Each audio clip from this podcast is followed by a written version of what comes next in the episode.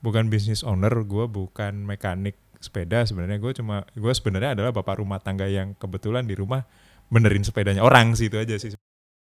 Ada hal selalu ada hal baru yang gue temuin tiap kali bangun pagi gitu loh.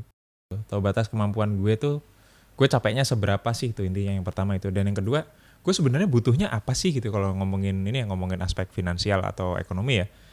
Kalau sudah tercukupi ya udah. Gue ngerusak barang juga banyak gitu, ngerusak tools juga banyak gitu.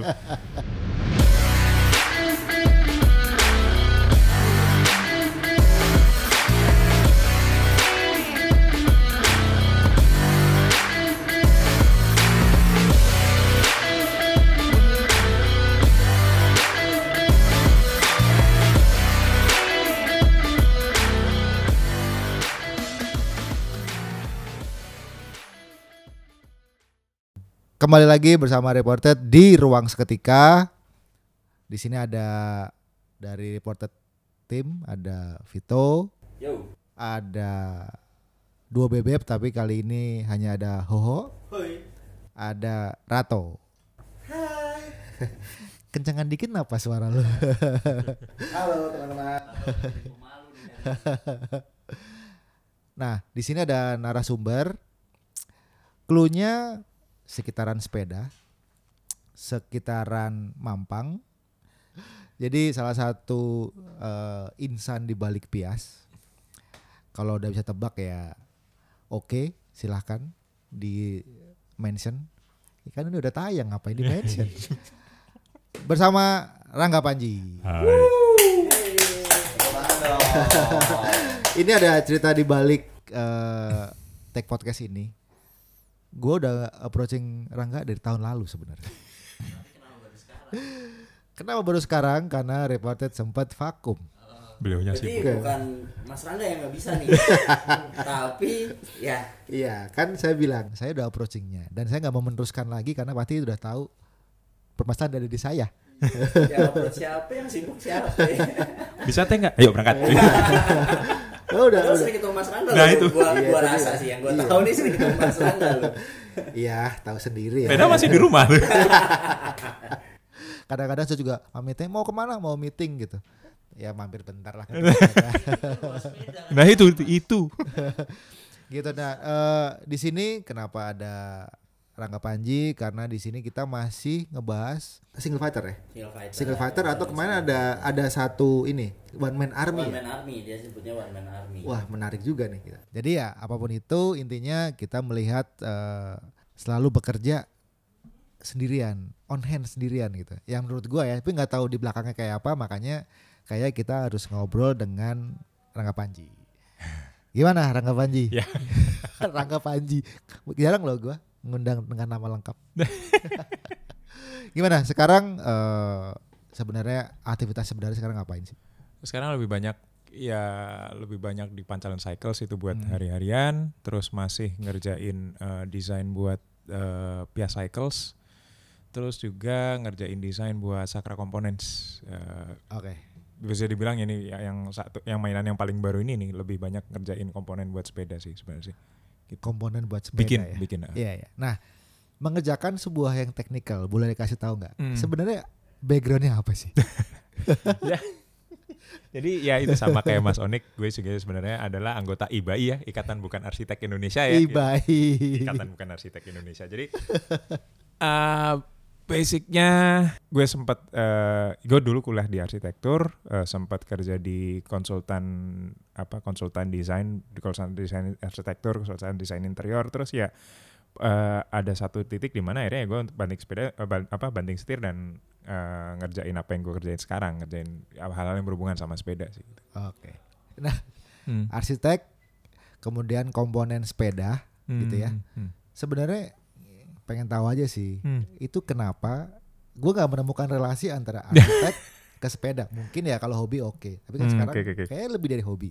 Urutan tuh kayak gitu. Sepeda, komponen itu kan tiga circle yang kalau sepeda sama komponennya oke lah ya. Ya oke oke. Nah, ada. arsitektur tuh gimana? Ya nggak kata ya memang kalau dipikir-pikir yang masih kesisa dari apa dari pendidikan arsitektur gue sebenarnya anu sih lebih ke desain lebih ke desain skillnya sih ya dan sebenarnya sepeda dan arsitektur itu sebenarnya ya dua hal yang sama sih. Lu punya kebutuhan lu eh, apa namanya lu melakukan sesuatu untuk gimana caranya buat eh, memenuhi kebutuhan tersebut gitu. Ada beberapa aspek, aspek teknis yang perlu lu eh, eh, perlu lu penuhi juga gitu. Jadi ya em, apa namanya Technically sama lah ya. technically sama sih sebenarnya sih benar Kalau boleh tahu sebenarnya eh, sekuat apa arsitektur itu mempengaruhi kayak ini bikin komponen sepeda tuh berbeda loh ya. Oke, Eh, oke, dengan, ya. dengan kalau kita bikin rumah gitu. ya. Oh, sebenarnya segini sih eh, namanya desain ya, terutama hal berbau teknis ya. Eh, baik arsitektur, baik eh, baik arsitektur, baik komponen sepeda itu sebenarnya lu bakal nemuin eh, apa namanya ada beberapa apa pasti akan ada kebutuhan, ada kebutuhan, ada requirement yang harus lu penuhin. Terus yang kedua akan ada beberapa standar yang lu harus penuhi juga gitu loh. Hmm. Kayak kalau misalnya pintu lu nggak bisa bikin pintu tingginya cuma satu meter kan, lu eh, masuk harus nunduk Ya kan. ya ya ya. sama kayak ya, sama kayak kalau bikin kalau bikin frame ya minimal ukuran frame harus sekian supaya orang yang tinggi badannya sekian bisa make gitu disesuaikan sama tinggi badan penggunanya Hmm. komponen juga gitu karena kalau ngomongin komponen sepeda kan eh, lu ada standar industri yang udah dipakai industri secara secara secara global kan. Lu tinggal nyesuaiin ke situ terus yang lu mau gimana lu tinggal nyari balance antara apa yang lu pengenin apa kebutuhan lu gimana dan eh, aspek teknis yang udah ada gitu. Tinggal nyari balance di situ aja sih gitu. Ya. Berarti kan sebenarnya kan eh, kalau gue lihat berarsitektur melalui sepeda. Hmm, bisa dibilang gitu Bisa dibilang gitu ya? Bisa dibilang gitu ya. Ya kalau mungkin kepikiran di kalau di gua kan kalau kalau gue ya gitu. Hmm. Berarsitektur melal- melalui karya seni. Ya. Gitu. Mhm. Jadi saya menemukan teman sebenarnya di sini.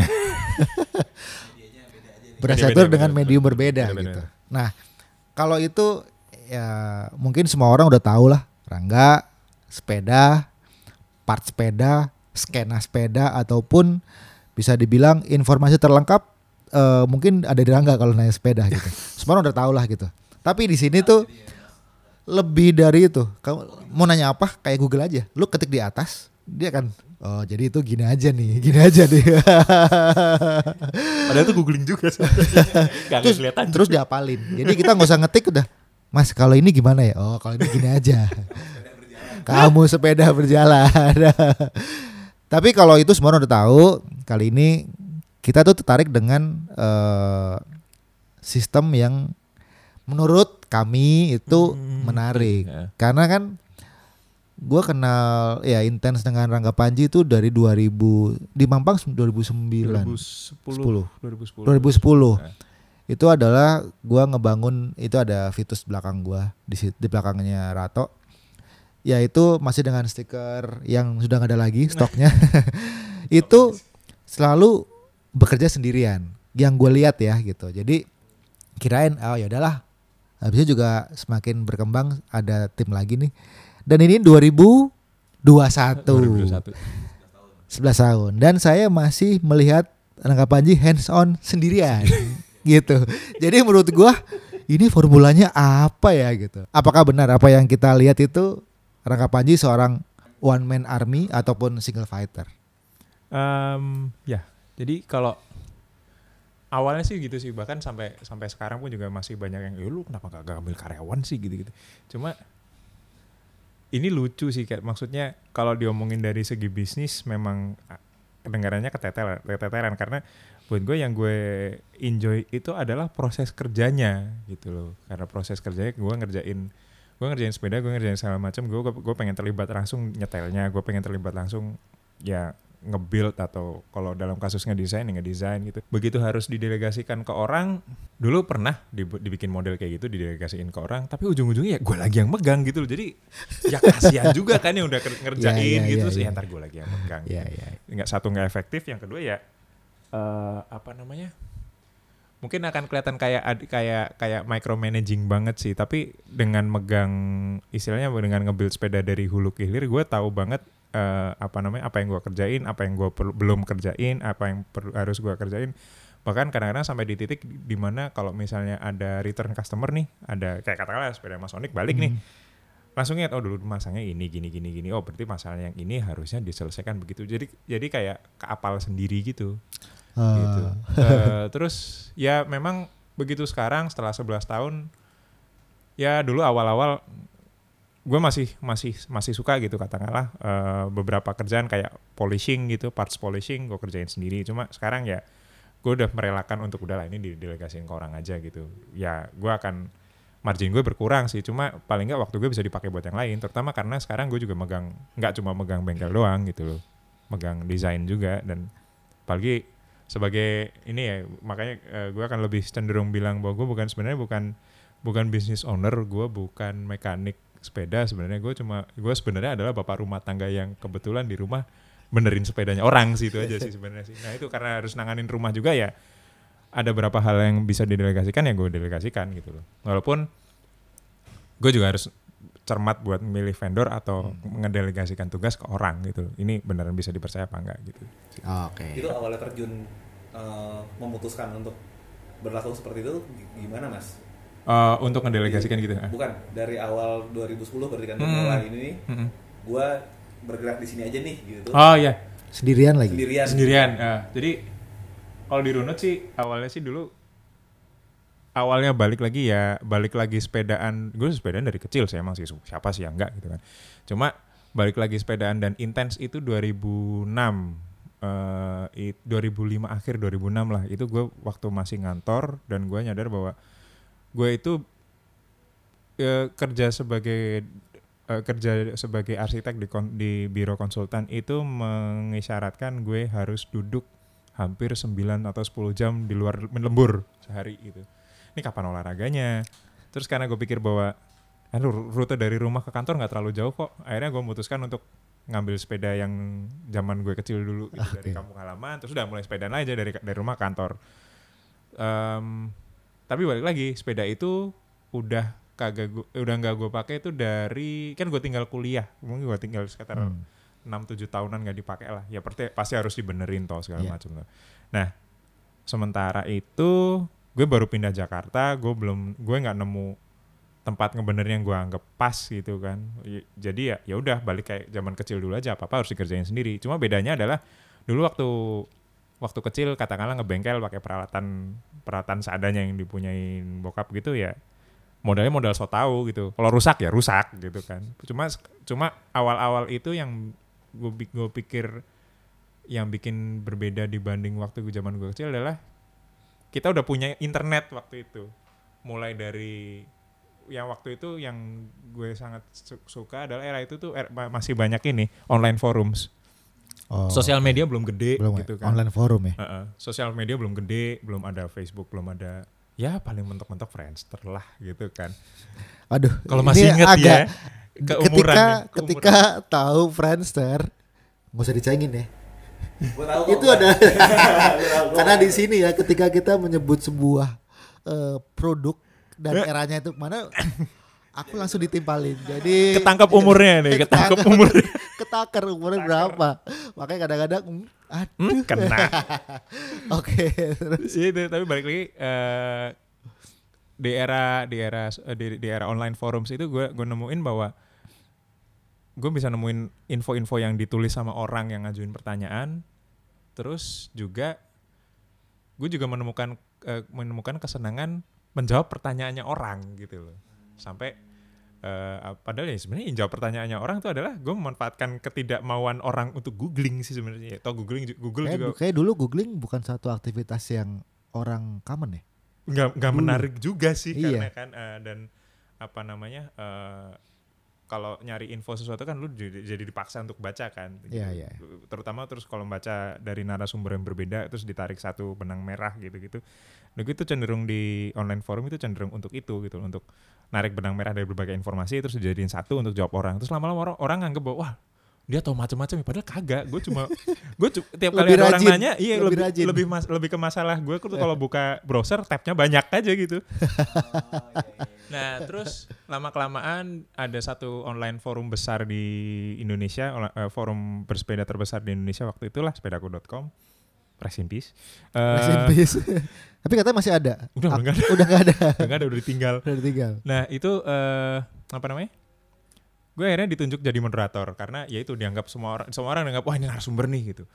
Dari dianggap narasumber terus karena udah terlanjur dianggap narasumber gue ngerasa punya kewajiban untuk ah tiap kali gue ngapain gue perlu perlu naruh konten lah di situ. Gue lagi ngerjain apa gue bikin dokumentasinya gue tulis jadiin jadiin thread jadiin thread jadiin thread. Lama-lama ternyata itu dianggap orang sebagai wah dia tahu nih macam-macam mulai satu satu dua orang mampir ke rumah buat ngebenerin sepeda satu dua orang bahkan ngedrop parts buat ngebangun dari nol. Selama lama banyak. Terus lama-lama wah ini kerjaan kantor kagak kagak kagak, ketemu nih. Udah ditinggal aja deh milih salah satu yang bisa jalan yang mana. Ya udah akhirnya terjun di dunia sepeda awalnya dari situ gitu loh.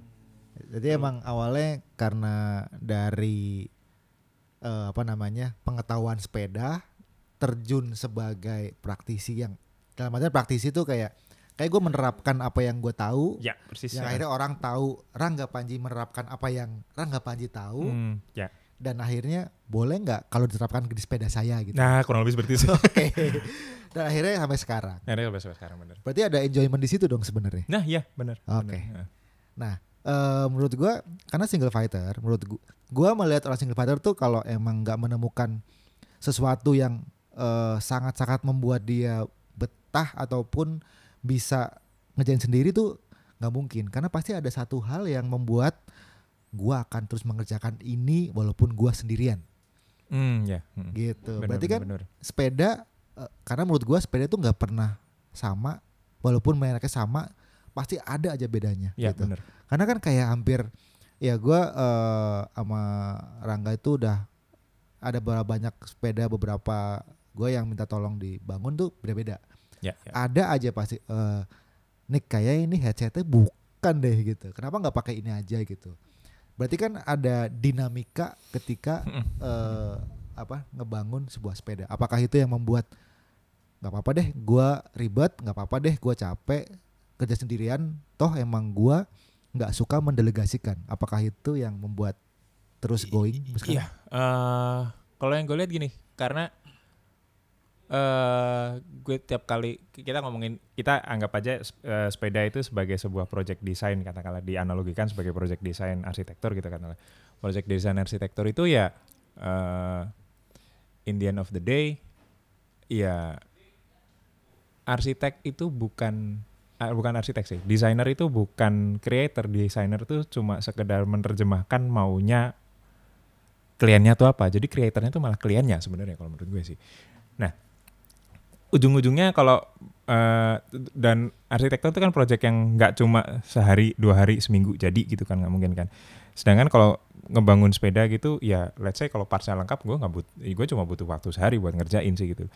Jadi ya dinamikanya lebih lebih lebih cepat gitu loh. Siklus siklus project project project cycle-nya lebih cepat. Eh, dan yang gue kasus ka- apa dan project-project sepeda yang gue kerjain itu sangat beragam gitu loh karena lucu sih gitu eh gue bisa ngerjain sepeda yang pakai hydraulic brakes terus di eh, pakai eh, electronic dri- shifting terus sepeda yang sangat modern lah gitu hari ini dan besok dan besoknya persis gitu gue ngerjain sepeda yang umurnya udah 40 tahun gitu. Terus besoknya ada lagi besoknya ada lagi. Jadi proyeknya nggak nggak nggak pernah sama dan itu sik- karena siklusnya apa siklusnya siklus proyeknya sangat pendek ada hal selalu ada hal baru yang gue temuin tiap kali bangun pagi gitu loh. Jadi semales-malesnya aduh kudu kerja lagi ya gitu. Tapi tetap tetap yang gue hadapin itu nggak sama sama apa yang gue hadapin seminggu yang lalu se- bahkan sebulan yang lalu bahkan setahun yang lalu. Jadi eh, kalau dilihat portfolio apa yang pernah gue kerjain kadang-kadang ih lucu juga ya gue ngerjain ini sama itu sama itu gitu ya. Yang kalau misalnya dilihat eh, katakanlah kita ngomongin eh, bengkel sepeda pada umumnya terutama di Jakarta gitu ya. Pasti kan ada kecenderungan dia cuma nanganin road bike aja gitu atau dia cuma nanganin kecenderungannya lebih banyak untuk nanganin mountain bike aja atau cenderung untuk nanganin apa yang gue tanganin itu beda-beda gitu. Dan semua punya tantangannya sendiri-sendiri dan yang itu yang bikin gue untuk ini se- secapek-capeknya se sebosan-bosannya tetap aja eh, apa namanya tetap aja akan ada challenge yang ini kudu selesai ini kudu selesai. Soalnya ya eh, ini emang gak sehat sih cuma nggak sehat. Gak sehat bener, gak sehatnya gini. Kadang-kadang gue baru gue gue gue bukan tipe tipe orang yang tidur jam 11 jam 12 malam gitu enggak gue gue bener-bener early to bed gitu early to bed early to shred gitu enggak cuma gini gue tuh jam kebiasaan eh, ya itu namanya kebiasaan bapak rumah tangga ya. Begitu anak-anak dua tidur, gue juga tidur gitu biasanya gitu. Tapi ya itu gue tetap bi- bisa kebangun jam 2 pagi dan yang yang gue ketika bangun jam 2 pagi yang kepikiran langsung eh double set belum dibangun nih. Jadi ada aja gitu jam 3 pagi gitu, Toto udah di depan touring stand, udah ngerjain sesuatu gitu. Jam jam 3 pagi eh jam jam begitu adzan subuh udah ada sepeda satu selesai gitu kadang kayak gitu Luar biasa lah. karena ya yang nggak sehat sih cuma cuma ya itu karena ih ini kayaknya kudu selesai deh ini kayaknya kudu selesai gitu ada eh, mungkin itu yang bikin gue tetap survive untuk ngerjain apa-apa sendirian gitu loh karena ya Ah. eh, apa namanya Spontannya Mm-mm. dapet ya. iya Karena di situ kan karena eh, Rangga Panji yang gue tahu bekerja di rumah. di rumah. Yang berarti kan kalau eh, nggak mungkin berarti kan kalau berangkat ke rumah pulang ke kantor. yoi Dibalik-balik sama aja gitu ya. jadi kalau misalnya apa commuting pagi hari gitu ya cuma gelundung dikit ya udah nyampe Nyampe. Lit- literally gelundung gitu udah nyampe gitu. Malah ada masanya gitu karena storage di rumah udah saking penuhnya gitu kita terpaksa untuk katakanlah wheel lacing itu proses buat ngerakit ngerakit ya ngerakit jari-jari sih wheel buildingnya itu dilakuin di kamar karena udah nggak ada tempat lagi di bengkel gitu udah diplototin gitu sama yang punya kamar juga gitu cuma ya gimana lagi gitu Jadi kan kalau kita mungkin ya kalau kita di sini udah punya pasangan gitu kan kita ngobrol kan sambil sarapan gitu. Kalau nggak sambil kotak-kotak, kerlak kotak kotak gitu sambil ngeles. sambil lacing ya itu jadi romantis sekali loh. Jadi gimana Bu? Rrrr, cetak cetak cetak cetak. itu lo untuk memulai hari itu ada ini gak sih mas kayak lo harus mandi dulu kalau nggak ada Oh iya. ada ini dulu nggak harus ada ritual gitu harus eh, gitu. eh, karena eh, tantangannya kerja di rumah itu adalah karena lu nggak akan nggak akan ada ini nggak ada nggak akan ada environment change gitu jadi enaknya kerja nggak di rumah itu adalah lu ada waktu dari rumah siap-siap terus commute-nya perjalanannya terus begitu di kantor itu hal-hal yang lu lakuin di rumah itu udah ditinggal karena literally udah tempatnya udah beda gitu loh.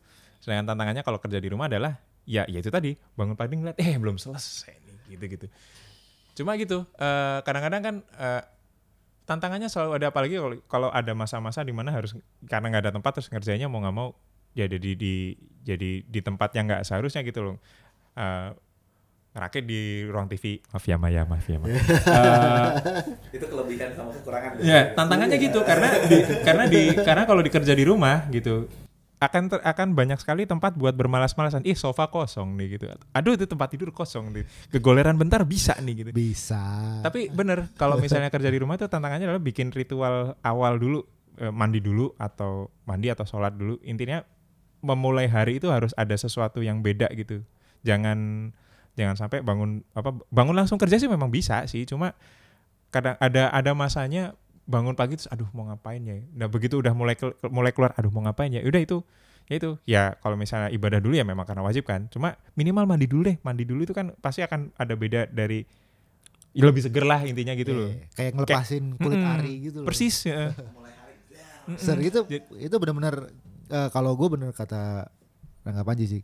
Mandi itu menjadi kayak lu tuh kayak eh, ini nyobek satu lembaran baru set Persis, di persis. badan lu. Mhm, persis. heeh. Ganti baju minimal kalau lagi dingin-dingin banget terus lagi malas mandi gitu ya minimal ganti baju lah Kak. Jadi kayak ada yang oke nih gue udah berubah nih. Bukan bukan gue udah nggak tidur nih. Terus habisnya ngapain pasti akan seperti itu. Ah, sama ya sama kita ya sebenarnya. Rato kan gue sering melihat Rato nih di timelinenya itu masih ngepost 5 menit yang lalu itu jam 3 pagi. gitu. Jadi mungkin agak sama ritualnya ya. Hmm. Gitu.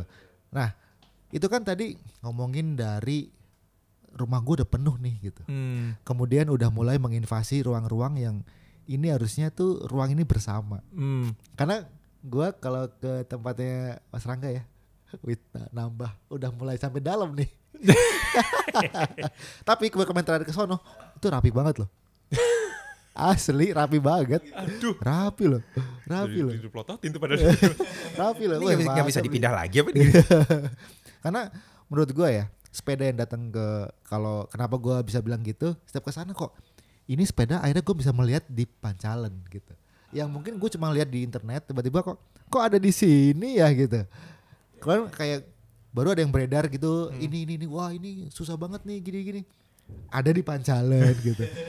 Nah, menurut gua eh sesuatu yang membuat Rangga Panji tetap eh, mengerjakan hands on sendirian atau pun hands on eh, dengan tangan dua sendirian, apakah melihat hal baru tadi yang menurut gue juga wah gila ya kapan lagi gue bisa melihat kalau gue sebagai pengunjung Hmm, iya, iya. buat Rangga Panji kapan lagi nih gue bisa eh, ngoprek sepeda yang hanya satu hanya dua Hmm, ataupun iya, emang rare banget.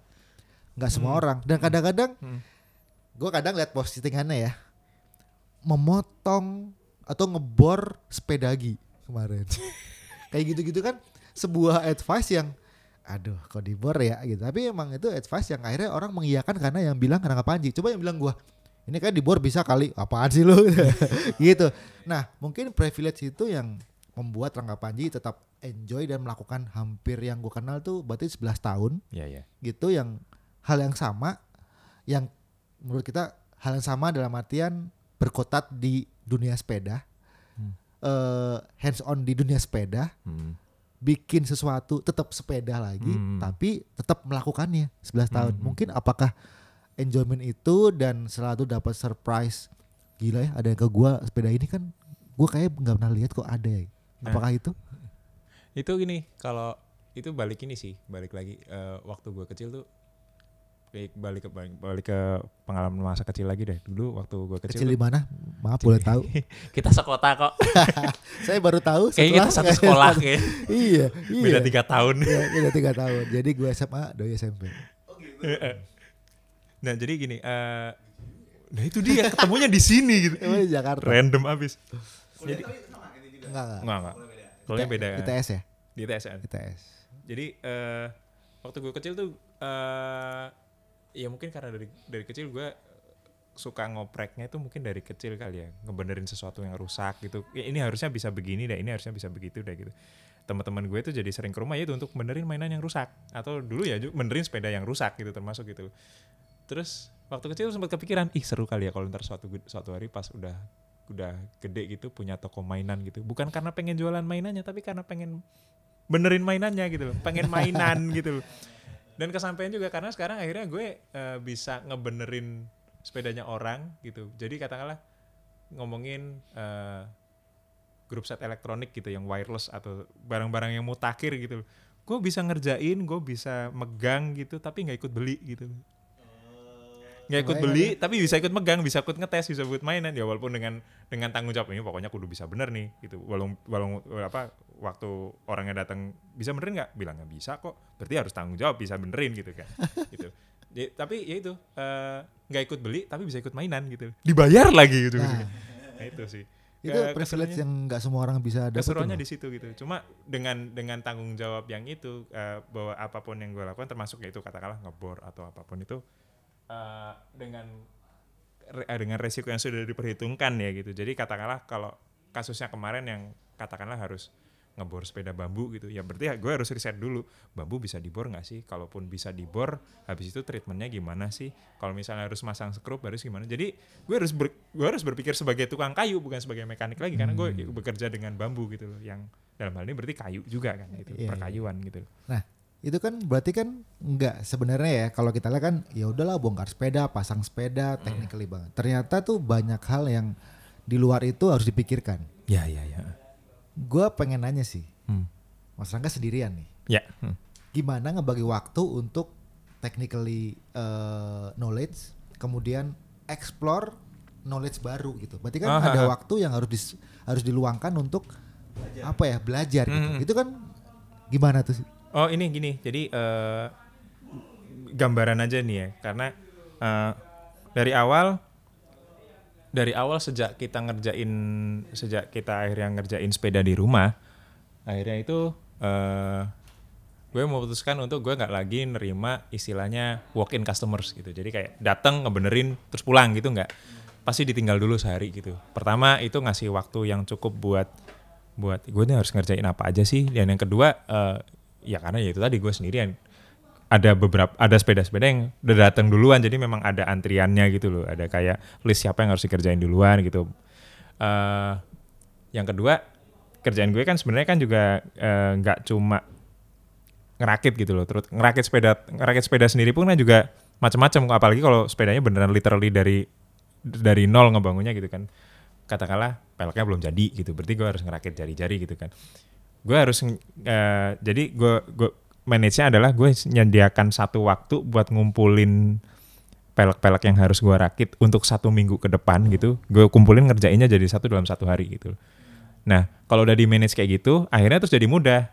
Gue jadi punya cukup waktu untuk eh, ngerjain untuk kerja intinya gitu kan. Untuk kerja untuk ngurusin rumah juga gitu untuk ngurusin eh, ya untuk ngurusin anak-anak gitu untuk ya akan ada waktu yang dikorbankan sih kayak ya gue jadi nggak pernah nonton TV jadi kalau misalnya nanyain sinetron atau apa pun atau ngikutin serial apa nggak gue terakhir ngikutin serial itu, Drakor, Bos. drakor. Dra- drakor oh udah lewat lewat dah Politik. Politik, politik, ah, ya. aduh, nggak ngerti dah gitu. Bahkan siap apa bahkan siapa yang bokepnya bocor lagi itu gue juga udah nggak bisa ngikutin lagi sekarang. Tenang itu bagian kita aja. kita bantu, kita bantu, kita bantu. Mas, yang ini gue mau nanya, Hmm. lo deal dengan keluarga tuh gimana mas? Ketika lo menjalankan ini kesenangan lo, passion lo gitu tuh, Hmm, oke, oke. meyakinkan pasangan lo tuh itu gimana mas? Nah lucunya yang meyakinkan gue untuk ninggalin art- ninggalin dunia kantoran dan kerja di sepeda itu malah istri gue sih malah lucunya. gitu? Ha-ha. Karena mungkin dia yang dari awal malah percaya bahwa apa namanya ya lu lu lu memang lu memang arsitek, lu memang eh, as an architect you did a great job gitu. Cuma as a, eh, waktu lu megang sepeda lu seneng gitu loh.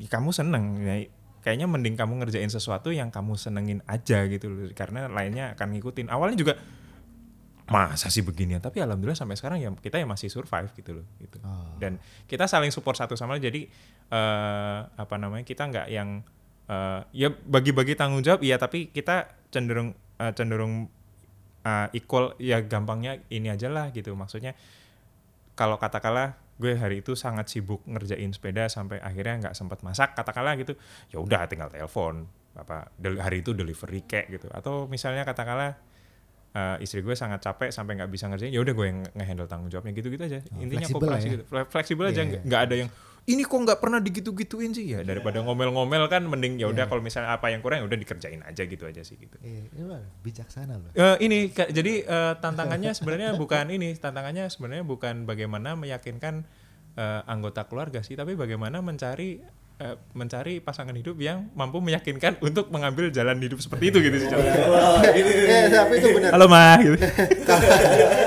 Kata dia, berarti besok selamat nih gua. Rumah lagi. Alhamdulillah masih boleh sepedaan. Lagi. Tapi eh, sebuah keputusan untuk mengambil sesuatu dan itu dapat insight dari orang lain itu penting.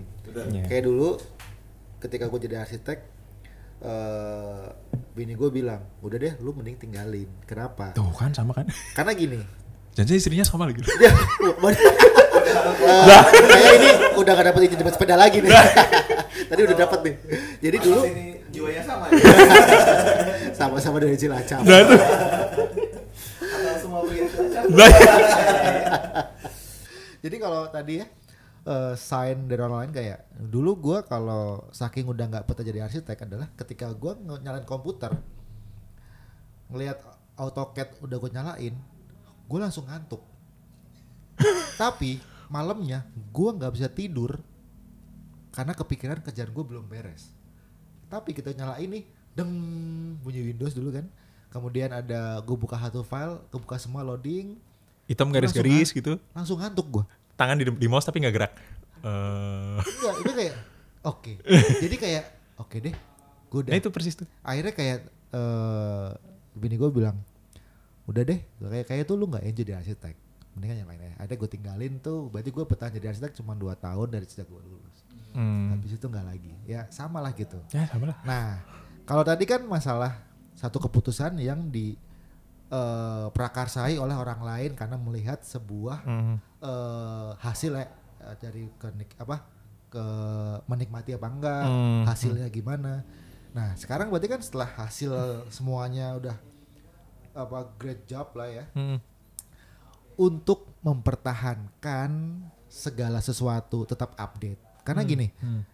eh, pekerjaan yang sekarang kan pertama nih gua nggak pernah ditanyain form sepeda lu apa part lu apa aja mereknya apa berarti kan harus mengingat semua sepeda yang ada. Oh ya. si partnya sedikit gitu ya gitu. Nah menurut gua memanage itu apakah emang sengaja untuk oke deh karena gue single fighter dan gue nggak ada lagi mendelegasikan orang lain jadi oke deh nggak usah pakai apa pun eh, catatan yang penting gue udah ingat semuanya gitu karena kan nggak ada orang lain yang harus tahu kan. Hmm. itu gimana memanage sih dengan segala kenjelimetan eh, yang ada Oh kalau itu ini mudah eh, dibikin box aja gitu. Jadi kalau tiap kali ada orang datang dan mau ngerakit, yaudah jadiin satu box gitu. Ini satu kontainer. Jadi kita nyebutnya sebagai project box gitu. Jadi kalau Oh, oke oke. ini makanya di rumah ada kontainer eh, kontainer 60 liter banyak itu isinya isinya grup set sama parts yang belum kepasang gitu. Oke. Sedangkan eh, dan itu akan dilabelin, dikasih label dan nunggu giliran sampai terutama untuk eh, project box project box yang isinya belum lengkap ya itu akan nu- nunggu sampai itu lengkap dulu. Terus urutan dia masuknya ke berapa, nah itu baru ini baru di baru dilanjutin gitu. Dan itu selama-lamanya project box ada gitu, biasanya yang paling lama nginep itu adalah project box project box yang partsnya macet. Pa- par- Partsnya macet dalam artian pemiliknya lebih, wah ini udah nih gue aja yang beliin atau parts-parts yang eh, atau project-project yang partsnya ajaib gitu loh, yang rare gitu-gitu, yang dicari belum tentu ketemu gitu. Itu belum udah tentu ada, ketemu belum tentu ketemu gitu. eh kayaknya nggak ada Kalau udah nggak ada ya udahlah gitu, gitu. Itu biasanya kayak gitu gitu. Cuma ya eh, paling gampang gitu di dijadiin satu di satu box gitu kan. Terus habis itu itu kalau udah dijadiin satu di satu box kan ini ngomongin teknis kalau dijadiin satu di satu box kan langsung ketahuan oh, ini yang belum ada apa belum ada apa yang udah ada apa udah pasti kelihatan kan gitu dan karena udah ada di labelnya udah ada ini punya siapa ini nama apa dipasang di sepeda mana itu lebih mudah sih sekarang sih gitu iya. Karena gini, kenapa gue nanya gimana cara mengatasi kejelimetan itu? Hmm, Terjawablah sudah dengan eh, manajemen apa tadi? Dibikinnya project box gitu. project box Hmm. gitu. Itu secara eh, apa namanya eh, fisik sepeda gitu. hmm, Karena kan di sini ada yang eh, tiba-tiba ini baru itu satu part, sa- satu fisik ya. Kemudian Hmm. ada yang dari sisi eh, klien, kita sebutnya klien aja ya. hmm, oke Kliennya yang eh, dia nggak tahu sepeda. Hmm, oke Berarti kan ada elemen baru lagi yang harus mentransfer sebuah knowledge. ah ya Yang itu kan waktunya nggak mungkin sedikit gitu. Oh itu eh kalau yang itu ya tiap orang kan pasti ya approach-nya individual sih. Nah eh, ini di sisi inilah yang gue belajar justru lebih banyak dari sini dibanding waktu jadi arsitek gitu ngadepin klien karena klien karena di sini gue bisa bilang ya walaupun knowledge gue sebenarnya nggak sebanyak itu juga sih tapi tantangannya adalah menjelaskan hal teknis dengan bahasa yang mudah dimengerti gitu jadi ya target gue adalah begitu gue jelasin orangnya langsung oh ya ya ya walaupun ini paham nggak ya paham nggak Gitu.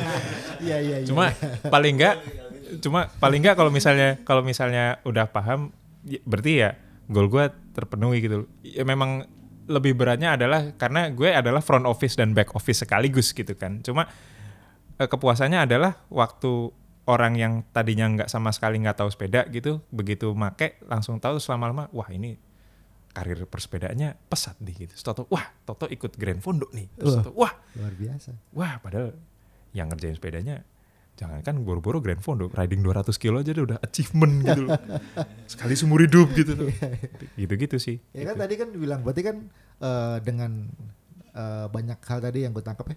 hmm. Satu adalah gue nggak sempet sepedaan nih gitu. Hmm. Kayak gue pernah sepedaan eh, temu Faiz di apa Panin gitu. Hmm. Paman mana? Nggak tahu nih, kayak sepedaan nggak tahu nggak. Kalau nggak ada gue tinggal aja. Tiba-tiba nyelonong belakang gue, wer, oh sepedaan. Walaupun agak kesiangan. ya, ya gitu Tapi sepedaan berarti kan banyak waktu yang eh, mungkin akan dikorbankan, Ya, heeh. gitu kan. Hmm. Tapi eh, waktu itu pun sebenarnya tersier lah ya. Hmm, hmm, hmm. Jadi eh, udah bisa me- mem- memutuskan untuk oke deh, ini akan gue korbankan, bukan korbankan lah, ini akan dikurangi lah, Hmm. bukan dikorbankan lah, Hmm. akan di manage. Mungkin intensitasnya dikurangin, Hmm. yang ini dilebihin, yang Hmm. ini diininin. Hmm. Tapi kalau tadi gua sama gua runutin, Hmm. sangat banyak elemen-elemen yang harus diatur. Iya, Pertama, ngatur rumah tangga. Kedua, ngatur bukan ngatur istri sih, kompromi dengan istri, ah ya persis Eh, kompromi dengan klien, hmm. kemudian kompromi dengan eh, apa namanya inventaris part, Hmm. kompromi lagi dengan apa namanya beberapa hal yang sifatnya individual treatment Hmm. pribadi. Hmm. Nah, gue pasti gak kebayang nih ini gimana? Nge-manage-nya ya. semuanya memanage-nya mungkin yang eh, mungkin yang yang sangat membantu adalah karena gue sebenarnya bukan tipe bukan tipe orang yang sangat sosial sih. Gue nggak nggak nggak nggak terlalu sering nggak terlalu senang jalan-jalan keluar yuk keluar yuk gitu ya. Ya boleh lah sekali dua kali gitu cuma ya enggak juga nggak apa-apa gitu. Terus eh kalau urusan ya harus ngor- ngorbanin waktu sepedaan deh gitu. Sebenarnya bukan dikorbankan sih bisa aja di switch ke yang lain gitu. Jadi eh, kalau orang-orang nganggapnya waktu sepedaan adalah waktu kalau sepedaan itu berarti buat olahraga? Enggak gue sepedaan adalah buat belanja gitu. Iya. jadi sebisa mungkin semua kegiatan-kegiatan yang katakanlah gue perlu keluar nih beli beli aqua galon nih. Ya udah pakai sepeda aja. Gue perlu belanja nih. Ya udah pakai sepeda aja. Gitu. itu eh, apa namanya? Jadi kalau memang memang kangen sepedaan ya tetap ada tetap ada cara untuk tetap sepedaan walaupun bukan sepedaan untuk katakanlah sepedaan untuk olahraga ya gitu. Cuma ya kalau ya beli aqua galon pakai sepeda kan ya memang eh, ujungnya tetap, tetap sepedaan tetap digenjot juga tetap berat juga kan. Tapi ya udah yang penting pokoknya udah sepedaan hari itu terus pulang gitu. Terus apa namanya kalau soal apa namanya soal ngebagi soal nge-manage itu ya memang akan ada masanya aduh capek nih gitu. Tapi gitu capek ya udah eh, apa namanya ditaruh dulu. Oh ditaruh dulu tapi jangan ditinggal dicatat gitu. Gue sangat eh, apa sangat sangat menemukan faedahnya dari menulis. Jadi kalau misalnya gue gue toto punya ide apa gue tulis random apa pun gitu loh katakanlah jam satu pagi eh gue kepikiran gue tulis walaupun pagi walaupun pagi paginya waktu pas subuh bangun gue tadi malam nulis apaan sih? Itu kayak gitu juga akan sering sih cuma ya paling nggak ketulis gitu loh. Minimal kalaupun ada yang lupa gue akan apa namanya akan ada ada recordnya gitu untuk inget gitu loh. Oh trigger oh oh ingat. oke kayak ini ngomongin ini gitu Mm-mm, gitu, gitu butuh trigger gitu ya gitu. kalau kalau gue sebutannya ini visual diary persis persis ya. Ya, visual diary Mm-mm. jadi kayak gue kadang gue kadang ada beberapa halaman yang gue nggak tahu ini apaan sampai sekarang ada yang gue nggak tahu ini apaan Mm. Tapi waktu itu gue bisa gue sketch, gue tulis, berharap besok gue bahas lagi perdalam. Pas dilihat lagi, ini gue ngapain ya? kok nggak make sense gue ya belum menemukan. Sampai akhirnya ada yang lama nemu, yang lagi ya udahlah relakan ya. Dan itu sama sekali random. Eh eh, sangat kompleks menurut gue ya, gitu. Hmm. Karena eh, tadi udah ngejawab, oke, memanagenya adalah bagaimana gitu. Hmm. Selama ini ada komplain nggak dari klien ataupun beberapa orang yang terlibat dalam proyek yang Dikerjakan. ya, alhamdulillah kalau apa kalau komplain ya satu dua adalah gitu sih. Cuma ya nggak nggak mayoritas gitu. Dan yang bikin gue kadang-kadang ya itu gue itu bisa dibilang masih masih punya kayak eh masih punya kayak imposter syndrome gitu loh. Ini gue beneran bisa. Orang-orang datang ke sini tuh kar- karena gue beneran bisa. Apa katanya doang gitu loh. 11 tahun ya, 11 tahun. bahkan loh. setelah 11 tahun gitu loh karena gue sendiri juga mikir bahwa gue kayaknya nggak sejago-jago itu amat deh. Ma- masih banyak banget hal yang gue nggak tahu gitu loh. Hal, hal yang kadang-kadang oh ternyata ini begini toh. Oh ini ternyata itu begitu toh. Itu itu juga sangat banyak gitu. Ya kadang-kadang itu kalau pas lagi anxiety atau imposter syndrome gue kambuh itu ya gitu. Ini orang-orang yang datang ke sini kok gak pernah balik ya? Itu apakah gue ngerjainnya salah? Gitu. Makanya gue sering bolak-balik. Biar biar Angga tenang. Terus itu eh, katakanlah gitu kalau misalnya eh, ngelihat gitu eh, apa namanya apa kalau ngelihat ada sepeda gue yang ditanganin ditangin orang lain terus akhirnya balik lagi ke ke bengkel untuk di dibenerin gitu. Iya ini soalnya pernah dimasukin ke situ situ situ situ gitu. Kita juga mikir kok kenapa nggak dari awal ke tempat gue aja gitu-gitu itu kadang-kadang kepikir juga sih kalau lagi gitu-gitu cuma Tapi penuh. ya ya iya sih. Tapi terus gitu. Aduh bentar. Ini beneran gue beneran bisa? Apa gue gue, gue- apa yang gue kerjain tuh salah? Gue pa- pasang tarif kemahalan? Apa gimana gitu? Kadang itu itu gitu gitu muncul sih gitu. Eh, tapi sebenarnya ya yang perasaan tadi itu malah kebalikan dari kita. Dari sisi sebuah seorang teman dan seorang konsumen ataupun klien ya gitu. Hmm. nganggepnya malah udahlah masa ganti ini doang kerangga sih? gitu Tuh nggak bukan karena dia nggak bisa kayak kayaknya membuat dia lebih banyak eh, masalah baru nih dibanding cuman sekedar ngapain gitu ya makanya kalau gua pribadi kayak ya cuman ganti rantai ganti apa yang bukan major kadang gua ganti sendiri atau Hmm. mana ya yang eh, bengkel mana yang cuman bisa lah gitu karena kalau gua dari pandang pandang Hmm. gua adalah dengan seorang Rangga Panji masa cuman suruh ganti rantai.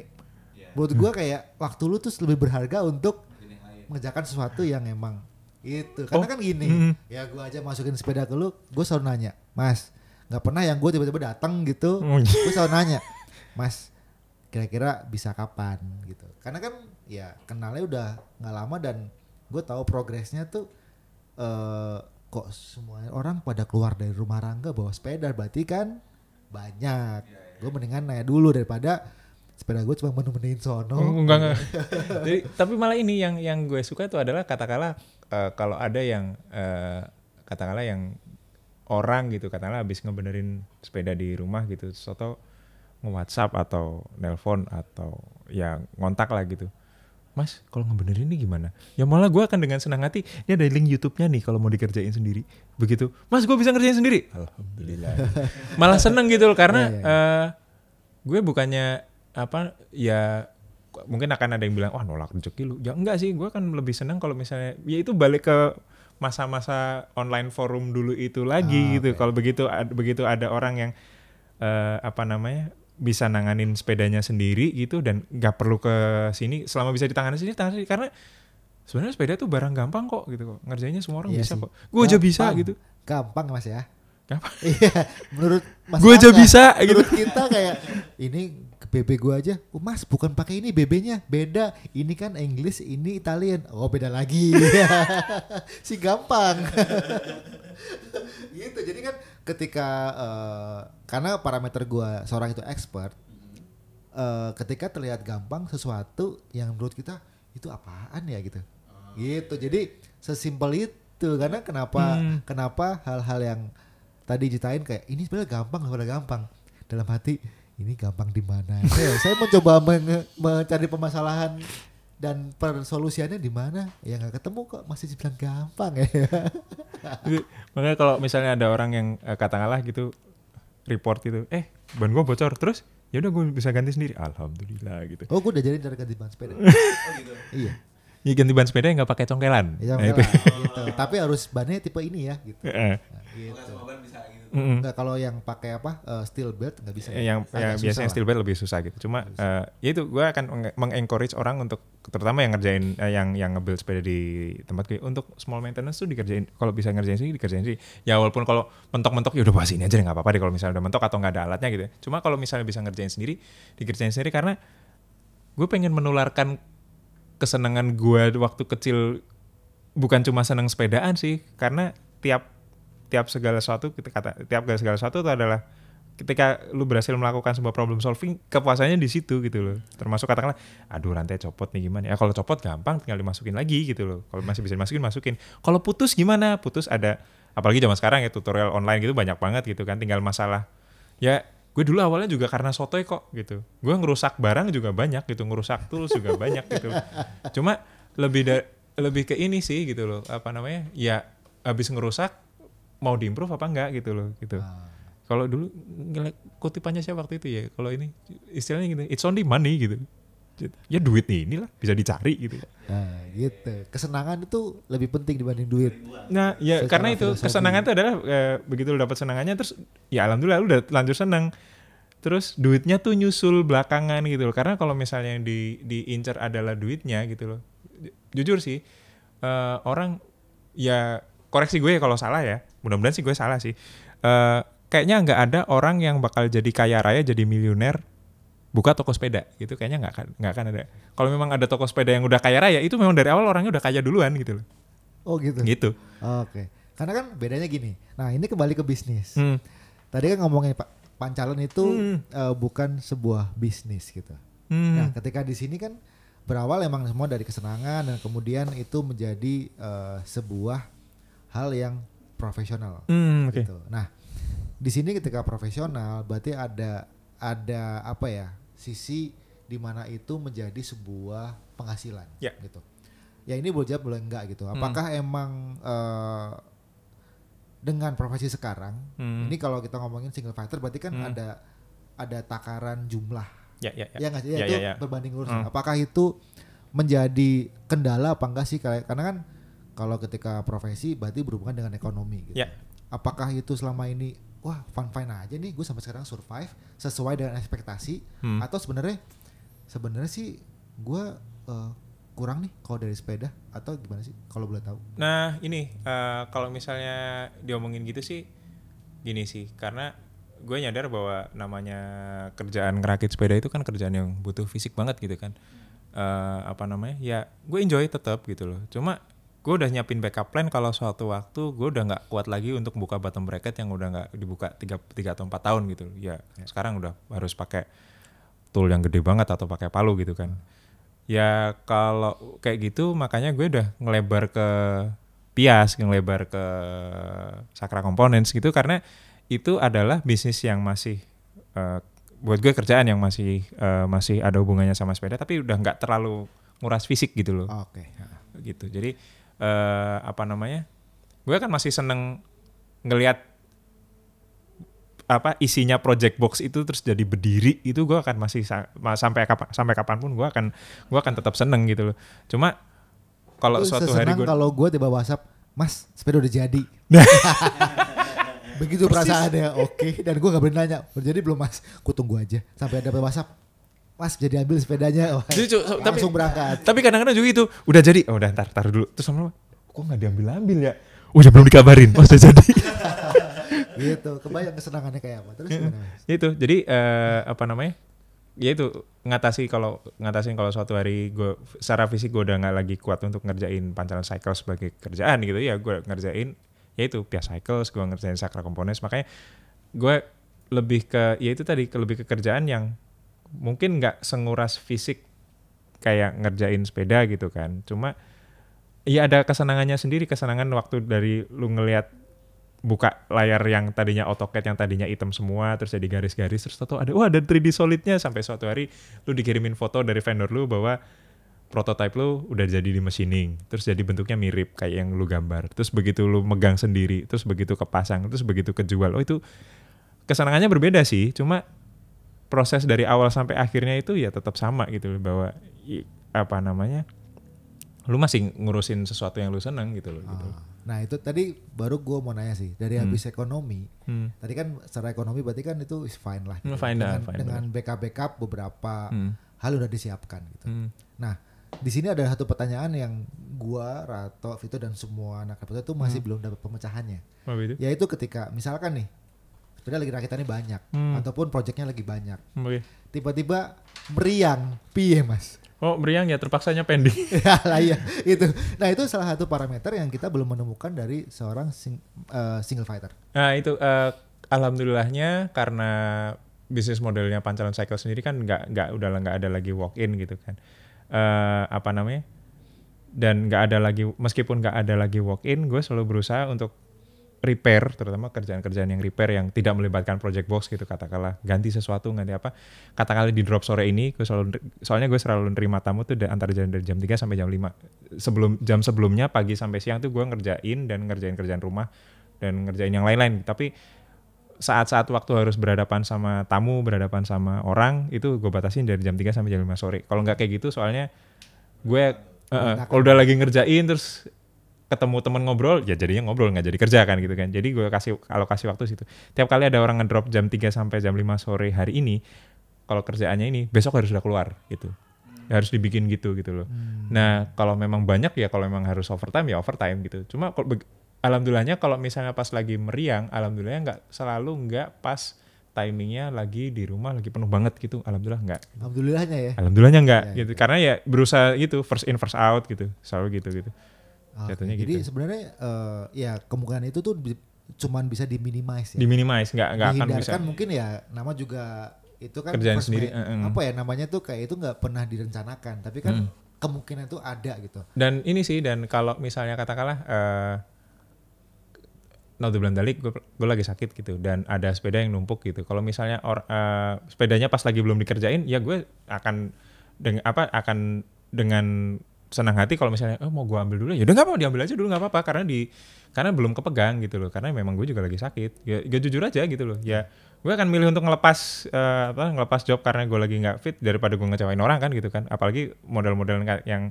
katakanlah memang mau dipakai besok Sabtu gitu katakanlah gitu-gitu. Jadi kalau memang mau diambil diambil aja nggak apa-apa gitu karena kondisinya gue lagi sakit gitu aja gitu. Oh, Nah, berarti kan kita dapat jawaban. Mm-mm. Jadi sebenarnya komunikasi Mm-mm, persis. kepada eh, pihak eh, ya kita sebutnya pihak konsumen atau Hmm, klien nih. bahwa gua nggak bisa mengerjakan kerjaan lo Hmm, di saat ini kan sepeda. hmm. Terus kedua berarti kan kayak tadi hanya bisa meminimize, Ya. heeh. meminimalisir eh, keadaan itu Iya, dengan persis, cara menjaga kesehatan ataupun Hmm, apa pun persis itu. ya. Hmm. Secara ekonomi tadi kan udah me- menyiapkan eh, dengan penurunan stamina, udah menyiapkan kenaikan eh, kenaikan produk. Hmm, kayak ya. Hmm. eh, produknya dinaikkan secara apa namanya lini produknya karena udah mempersiapkan penuh itu kan udah hukum alam lah ya penurunan stamina itu Eh, udah hukum alam lah. Dana pensiun lah Ya, gitu. pensiun gitu.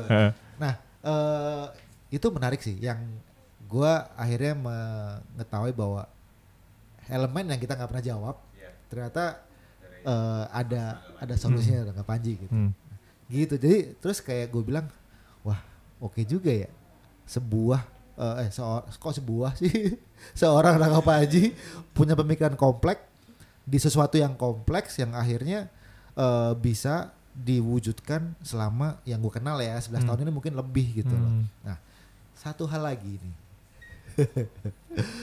apa namanya ada plan gak sih kayak eh, gue akan meneruskan Hmm. enjoyment ini ke siapa? Ataupun enjoyment ini misalkan terdekat ke anak gitu. Hmm, ataupun enjoyment ini ke siapa ya teman gua yang emang dia akan akan bisa eh gua tularkan bahwa ini tuh menyenangkan loh gitu. Ada Ya. rencana itu nggak Se- so- sejauh ini sih enggak sih terutama karena anak-anak gue itu anak-anak gue itu seneng sepedaan tapi nggak seneng otak nggak nggak seneng ngoprek fisik sih gitu. Jadi ya udahlah gitu. Jadi nggak seneng ngebengkel lah pada dasarnya gitu lah cuma ya dan gue nggak akan maksain gitu. Karena mereka punya punya minat dan bakatnya sendiri-sendiri punya talent sendiri-sendiri dan gue nggak akan nge-push gitu loh. Walaupun nih yang paling gede ini lagi lagi suka ngajakin pas sepedaan yuk gitu. Pak ngebut yuk lima menit kemudian pak pulang yuk. Itu juga juga kayak gitu gitu cuma gue nggak akan nge-push gitu dan se- sejauh ini sih juga gue punya banyak partner eh, terutama partner eh, ya di di macam-macam lah. Ya di Pias ya di Sakra gitu. Eh, tapi yang jelas gue nggak akan berusaha untuk menularkan eh lu ikutan di sini juga dong. Itu enggak karena buat gue tuh udah ada porsinya sendiri-sendiri gitu loh bahwa eh katakanlah kalau di Pias gitu gue lebih expert di ya mungkin di aspek teknik teknikalnya gitu. Cuma di bidang bisnis development mungkin tema lebih jago.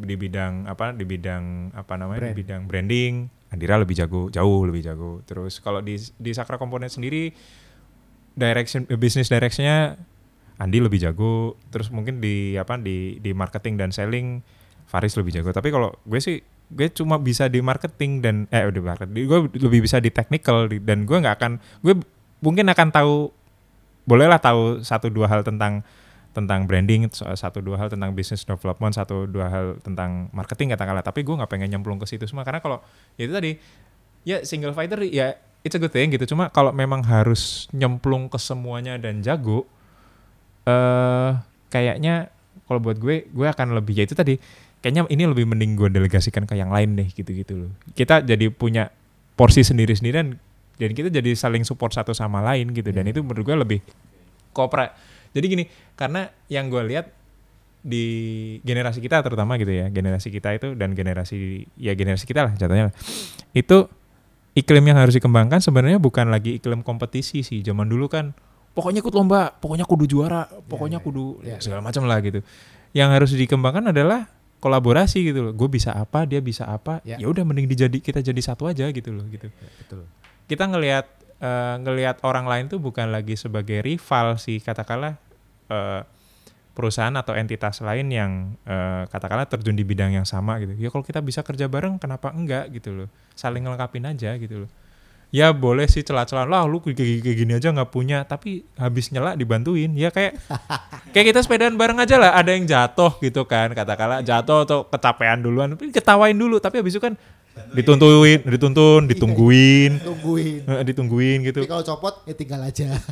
Tinggal aja, tapi ntar ntar begitu udah Tunggu udah di istirahat ya. ditungguin gitu. Ketemu di sini ya terus ketawa, paling diketawain duluan terus ya, pulang bareng yuk gitu-gitu.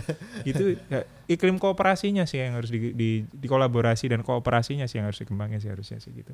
Ya, sebenarnya kan berarti kan eh, yang kita lihat Rangga Panji seorang single fighter ternyata emang sebenarnya nggak nggak semuanya di single fighterin kan. Mm, benar, Kayak tadi Sakra yaitu as eh, tim dengan Mm. beberapa partnernya, ada vendor produksi juga gitu. Hmm. Kemudian di Pias juga Persis kan gitu itu juga, juga. ada tema, ada Andira yang Hmm. memang dengan porsi masing-masing. Mm, mm, mm.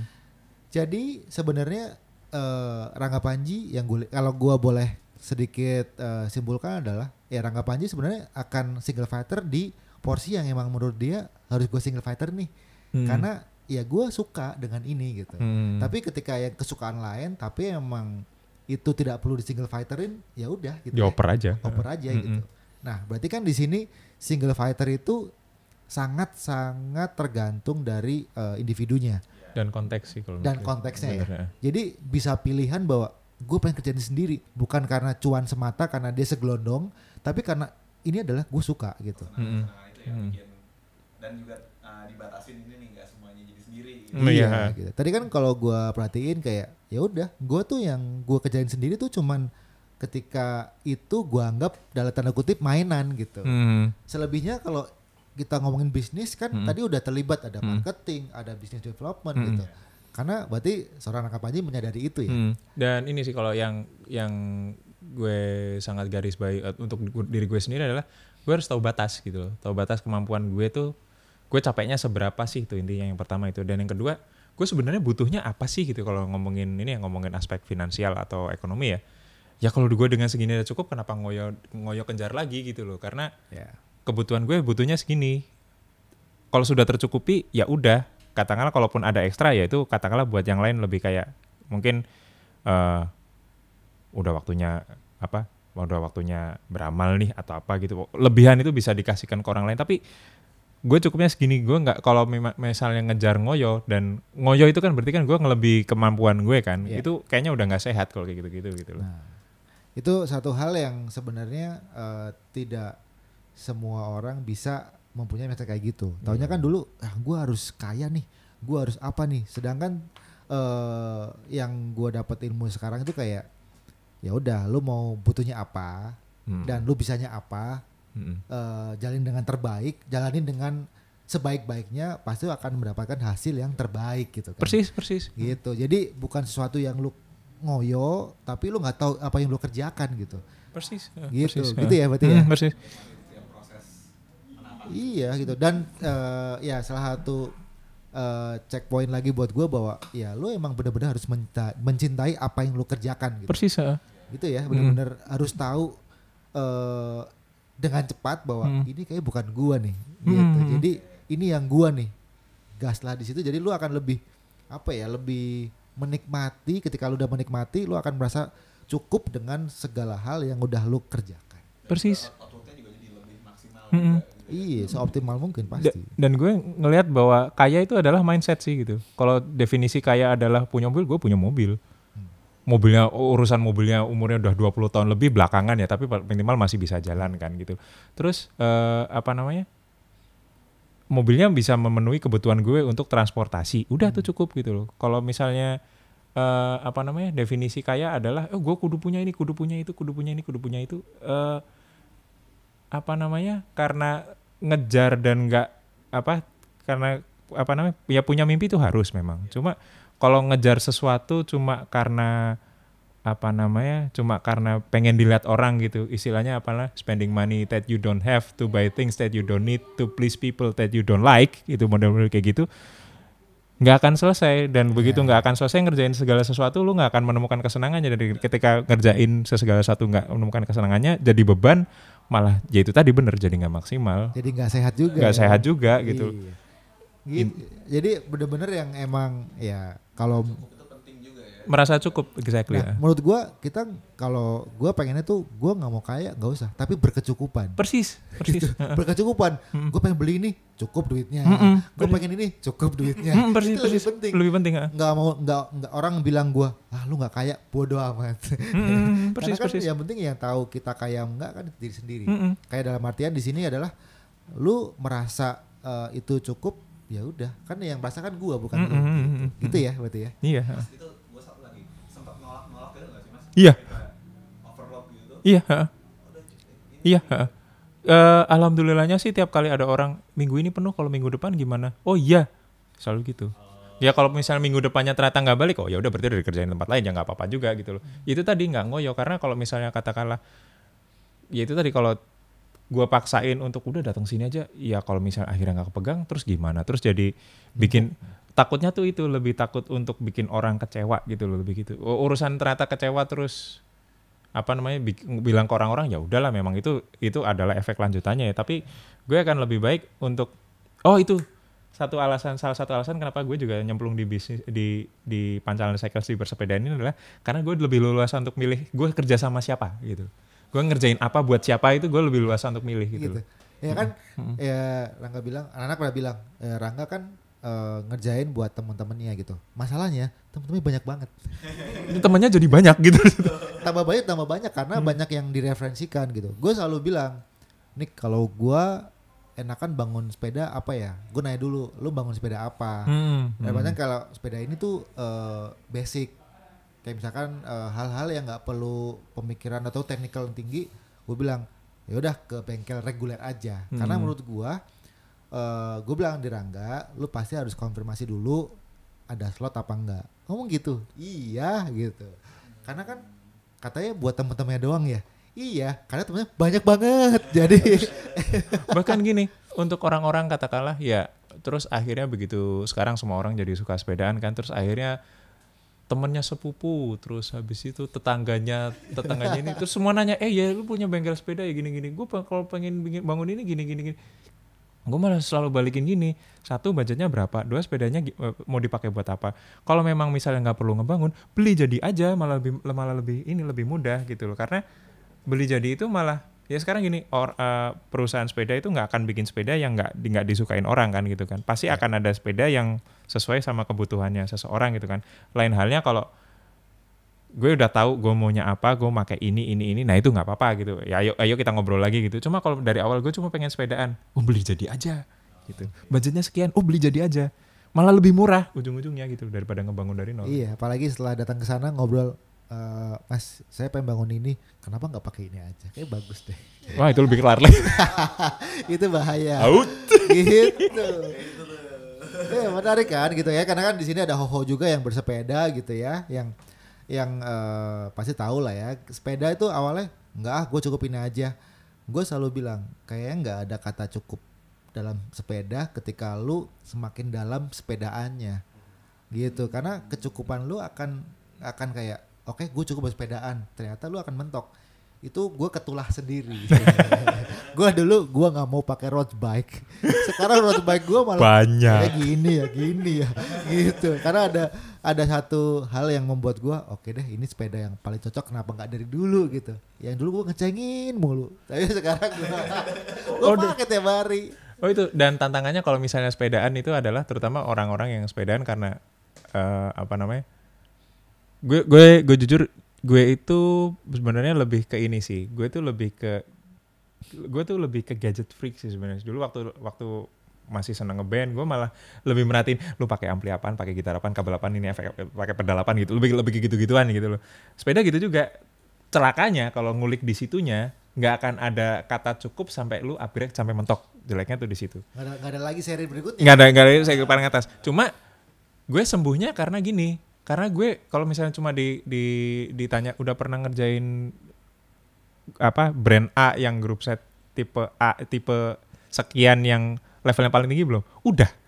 Dan sebenarnya ternyata kenikmatannya bukan makainya tapi waktu ngerakitnya dan oh jadi ya udah beres gitu loh. Ya itu tadi ngerjain mainannya orang eh, ikut ngetes dibayar pula gitu loh. Nggak ikut beli tapi dibayar pula. Lebih ke situnya gitu. Jadi gue udah sampai di level gimana? Oh ya udah gue sepeda gue gini aja udah cukup. So, karena gue udah tahu yang lebih mahal jadinya gimana dan gue sebenarnya nggak butuh itu itu amat kok gitu loh lebih ke situ gitu kebutuhan gue mentok di situ ya itu tadi tahu porsi gue sampai di mana Ya. oh segini aja cukup gitu loh Ya selalu menyadari kebutuhannya aja. kebutuhan eh, dan Udah, kata gitu. cukup itu selesai sih benar Iya, berarti kan sebenarnya eh, menyadari akan kebutuhannya dan kecukupannya itu berlaku untuk segala semua lini. semua ini benar dari benar benar. ekonomi, dari bisnis, dari keluarga, dari apa pun itu, Mm-mm. asal dua kata itu yang tadi kalau gua gue summary-in ya, Mm-mm. itu adalah hal kata cukup berarti kayak ya udah cukup segini yang sepeda gue pegang sampai pada satu tentu sampai gue masukin lagi gitu kan. Hmm. Berarti kan Mm-mm. menyadari itu gitu. Mm-mm.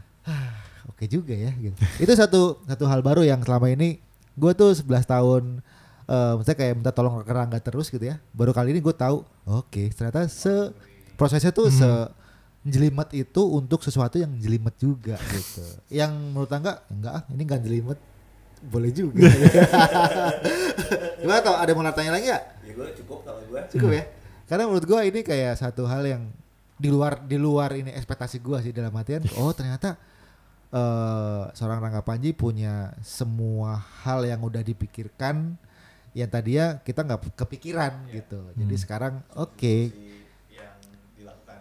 ya ya ya semoga eh, dari sesi ini buat yang mau single fighter jadi satu parameter baru kayak oke bisa kali ya gue single fighter yang kayak gini-gini gitu. Jadi ya semoga bisa diterapkan dan eh, mempunyai sesuatu apa namanya hasil yang sangat-sangat optimal dari tip-tipsnya Mas Rangga Panji. amin Tipsnya bukan berarti ngoprek sepeda orang juga gitu. ya Mas Panji tangga eh Mas Pak tangga Panji lagi. Mas gue bisa diedit ntar ya. Mas Rangga Panji terima kasih. Ah, terima kasih banyak Mas udah sharing segala hal yang segala hal yang ini udah mulai ngaco nih ngomongnya. strategi hidup, strategi dalam menangani kenjelimetan yang menurut kita jelimet, menurut Mas Rangga Panji biasa aja gitu. atau sebenarnya mungkin gue harus mikir oh itu ternyata jelimet ya gitu nggak boleh digampangin gitu baru mulai nyadar Jadi eh, dengan segala kayaknya tip-tipsnya dan segala solusinya, terima kasih. Terima kasih, Semoga Badi. ntar kita akan undang lagi. Siapa tahu ada sesi yang membutuhkan Rangga Panji dan ilmu-ilmu baru yang sudah diterapkan. Aduh terima kasih banyak mas Mas, makasih ya. sama-sama mas Ketemu terima lagi. kasih banyak ya Gimana toh? Terima kasih banyak. Oh Ya, iya, dan jangan lupa. Jangan lupa Podcast ini podcast ini di support oleh Ruang Seketika. Jadi di sini Ruang Seketika itu adalah sebuah ruang yang ada kopi, ada desain dan ada diskusi. Dan podcast ini salah satu eh, di lini diskusi ya. diskusi. Jadi dulu kita sering bikin workshop untuk sharing apa yang kita tahu ataupun pengen tahu. Karena sekarang dengan kondisi sekarang Kita kita tidak alihkan dalam bentuk Podcast. podcast, gitu. Jadi Terima kasih banyak Mas. Sama-sama, terima kasih banyak Mas Mas. Rangga Panji dan semua ada di sini. Ada Rato, Halo. ada Hoho. Yo. Kita ketemu lagi di sesi berikutnya ya. Berikutnya. Oke, bye. Bye. Thank you Mas. Terima kasih, Mas.